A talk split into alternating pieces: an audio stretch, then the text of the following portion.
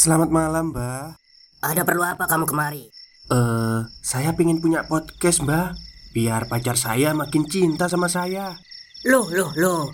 Mau bikin podcast kok tanya dukun? Sekarang kamu download aplikasi Anchor.fm. Di situ kamu bisa buat podcast gratis dan podcast kamu bisa didistribusikan ke platform mana pun. Dan di aplikasi atau website Anchor.fm juga terdapat fitur-fitur yang memudahkan kamu untuk membuat podcast. Oh, gitu ya, Mbak.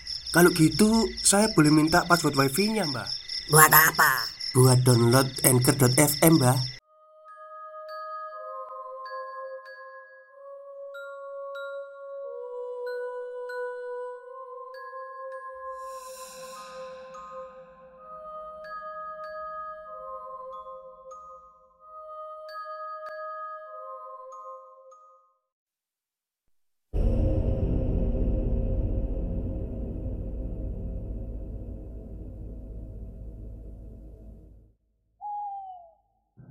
Assalamualaikum warahmatullahi wabarakatuh. Halo semuanya, jumpa lagi dengan saya Chow Sing Sing, kurator dari Podcast Horror Night Story. Halo, apa kabar semuanya? Semoga kalian semua sehat-sehat ya. Dan seperti biasanya pada malam hari ini Saya kembali dan akan membawakan sebuah kisah mistis untuk kalian semua dan kisah mistis kali ini saya dapat kiriman email dari channel sebelah dari channelnya Mas Dimas Peteng Dedet. Dan di sini beliau menceritakan tentang kejadian seseorang yang menantang makhluk gaib. Ya, sebenarnya makhluk seperti itu tidak perlu ditantang ya, kecuali kalau mereka mengganggu kita. Oke, daripada kita berlama-lama, mari kita simak ceritanya. Cerita ini diambil dari kisah nyata tetangga saya di kampung. Karena cerita ini sedikit mengandung unsur yang memalukan dan menyeramkan bagi narasumber. Jadi, cerita ini saya edit sedikit tanpa mengurangi kejadian yang ada, dan nama beliau saya samarkan demi kebaikan bersama. Namaku Waluyo. Cerita ini saya alami sekitar dua tahun yang lalu. Pagi itu di desa saya sedikit berawan. Aku awali pagi dengan aktivitas seperti biasa.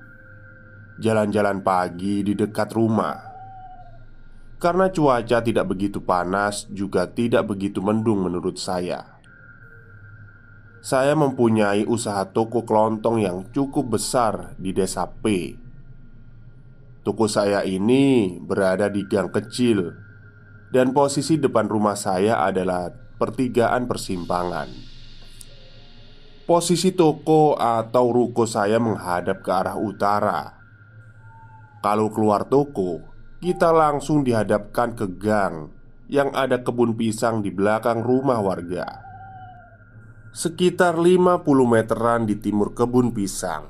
Ada sawah yang membentang luas.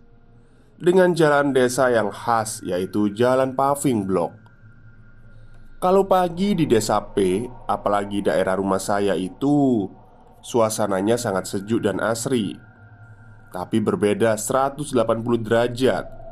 Apabila waktu sudah menuju maghrib karena di depan ruko saya itu ada kebun pisang dan sawah Yang membuat orang-orang jarang lewat pada malam hari. Ditambah Minimnya penerangan pada waktu itu. Pagi itu toko saya buka jam 5 pagi. Biasa Ibu-ibu sudah berbelanja untuk keperluan sarapan anak-anaknya. Ada salah satu seorang ibu nyeletuk ke para ibu lainnya bahwasanya tadi malam ada kumpulan pemuda yang sedang ronda di pojokan pertigaan. Ya, mungkin dalam kondisi mabuk. Lalu kata ibu itu, pemuda yang dalam pengaruh alkohol berteriak di dekat kebun pisang. Katanya, dia tidak takut dengan makhluk halus penunggu kebun itu. Pemuda itu seolah-olah menantang penunggu di sana. Lalu aku pun ikut nimbrung. Aku bertanya, "Memang di kebun pisang sana ada penunggunya, Bu?" Paling-paling juga penunggunya monyet, ledekku. Ibu itu menjawab, "Saya juga nggak tahu, Pak." Terus pemuda itu gimana, Bu? Ada orang cerita dipotong. Tadi sampai mana ya? Oh iya, terus pemuda itu tiba-tiba nangis. Teman-temannya ngira efek mabuk. Lama-lama kok gak berhenti nangisnya. Lalu mereka curiga dan tanya, "Woi, kamu kenapa?" Aku pun langsung memotong lagi omongan si ibu. Udah-udah bu, gak usah diterusin saya nggak percaya sama yang begituan Kalau memang ada penunggunya Dari dulu pasti banyak yang dikasih lihat toh Ya udah, ibu mau nambah apa lagi nih? Itu pindang baru dateng Apa nambah sawinya? Eh, uh, enggak deh Pak Yo, ini aja. Setelah selesai belanja, ibu itu langsung membayar dan pulang. Dalam hati aku memikirkan apa yang barusan ibu itu ceritakan. Gak masuk akal. Kalau memang di kebun itu ada sesuatunya. Dari dulu kalau ada pasti saya yang duluan dikasih lihat. Oh iya Saya di sini tinggal di rumah bersama istri saya dan anak saya tinggal di sebelah rumah saya. Jadi sering bantu saya berjualan, kadang dibantu oleh cucu saya juga. Oh, Pak Waluyo ini ternyata sudah kakek-kakek. Saya juga sudah punya cucu. Siang hari waktu itu saya posisi menunggu toko. Sambil mendengarkan langgam Jawa di radio. Suasana waktu itu enak sekali. Ditambah suara perkutut dari tetangga. Menjadi harmoni yang pas untuk saya Tak berselang lama, cucu saya datang menanyakan neneknya, "Ada apa, Nduk?" "Mbah, di mana iku Kung?" "Itu di belakang lagi masak." "Udah makan kamu, Nduk?"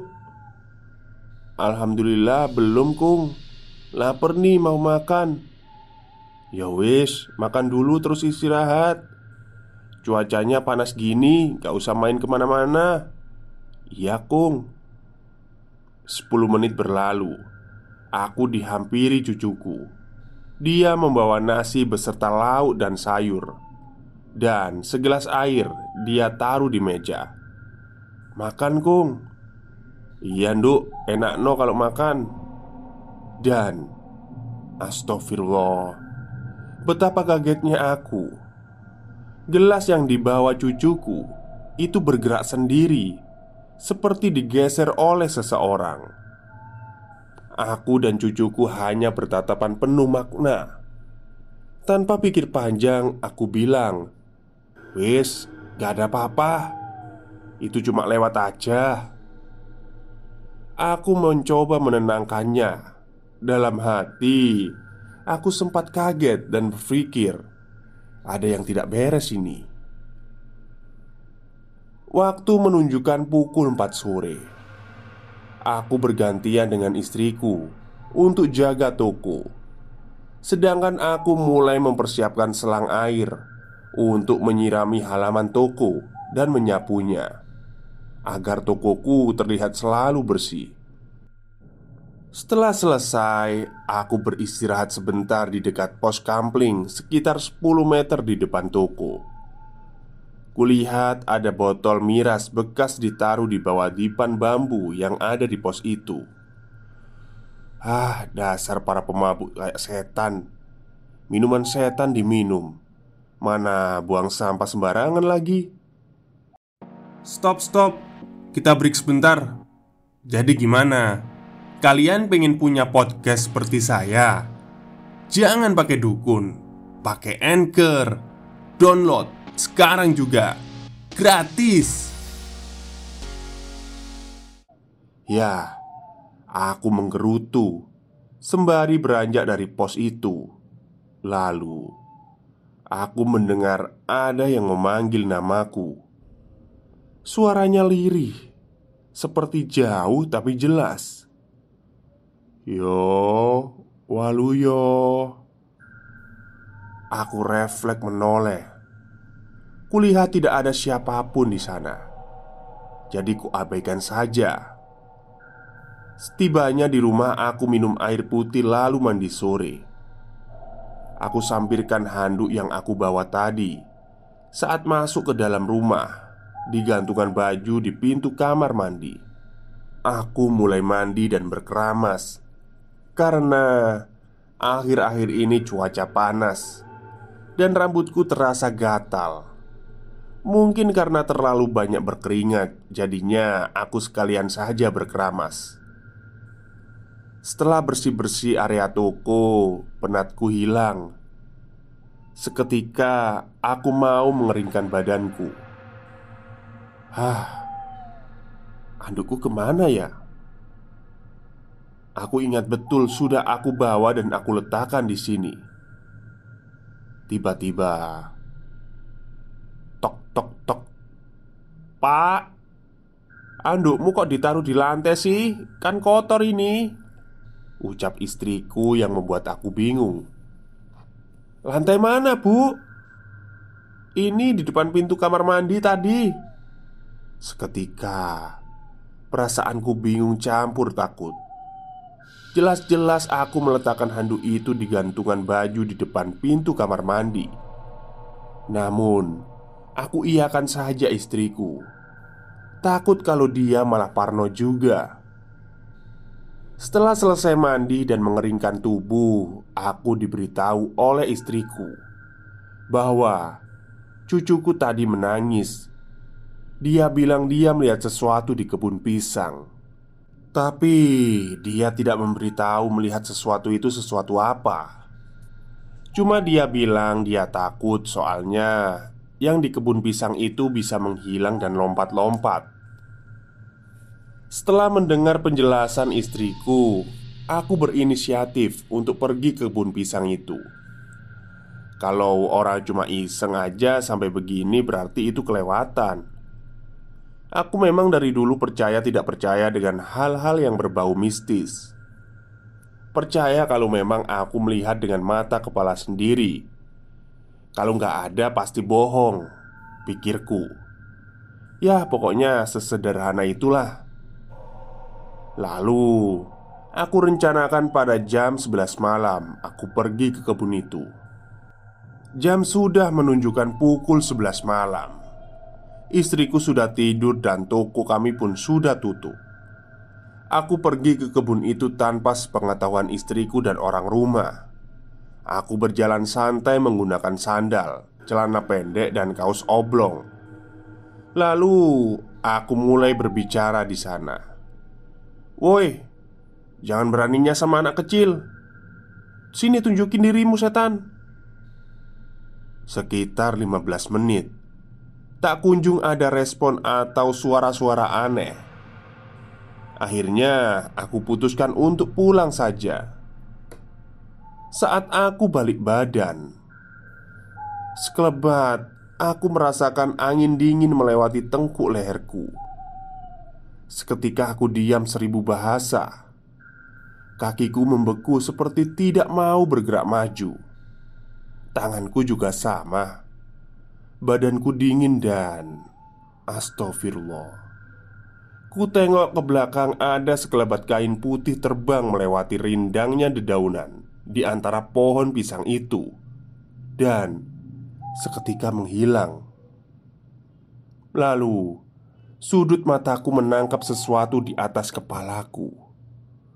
Dan ternyata Sosok makhluk itu adalah berwajah hitam Terbungkus kain kafan terbang di atas kepalaku. Sontak aku berteriak kencang tapi tidak keluar suara Aku lari dengan kencang Tapi seolah hanya seperti berlari di tempat saja. Berat sekali kaki ini. Lalu Kakiku lemas. Aku jatuh terlentang Dan dengan jelas Sesosok pocong itu tepat berdiri di depanku dengan wajah hitam dan kain kafan yang putih lusuh Serta bercak darah dan bekas tanah kuburan yang menempel. Tercium bau amis darah di situ. Ampun, Mbah, ampun, ampun, saya nggak berani, kataku, dan pocong itu meludahiku. Aku ketakutan sampai akhirnya aku tak sadarkan diri. Aku pingsan di gang itu.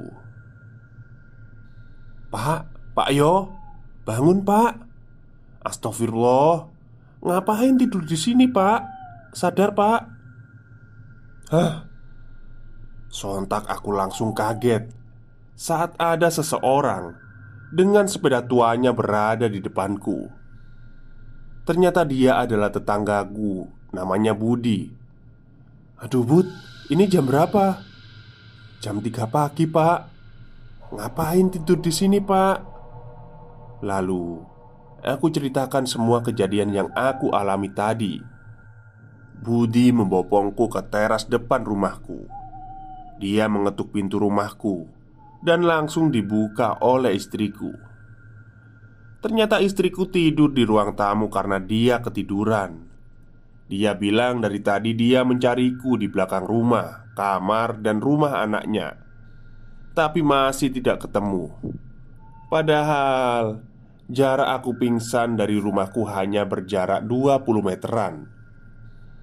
Lalu segera Budi membantu membawaku ke ruang tamu untuk ditidurkan di sofa. Karena kakiku lemas sekali rasanya.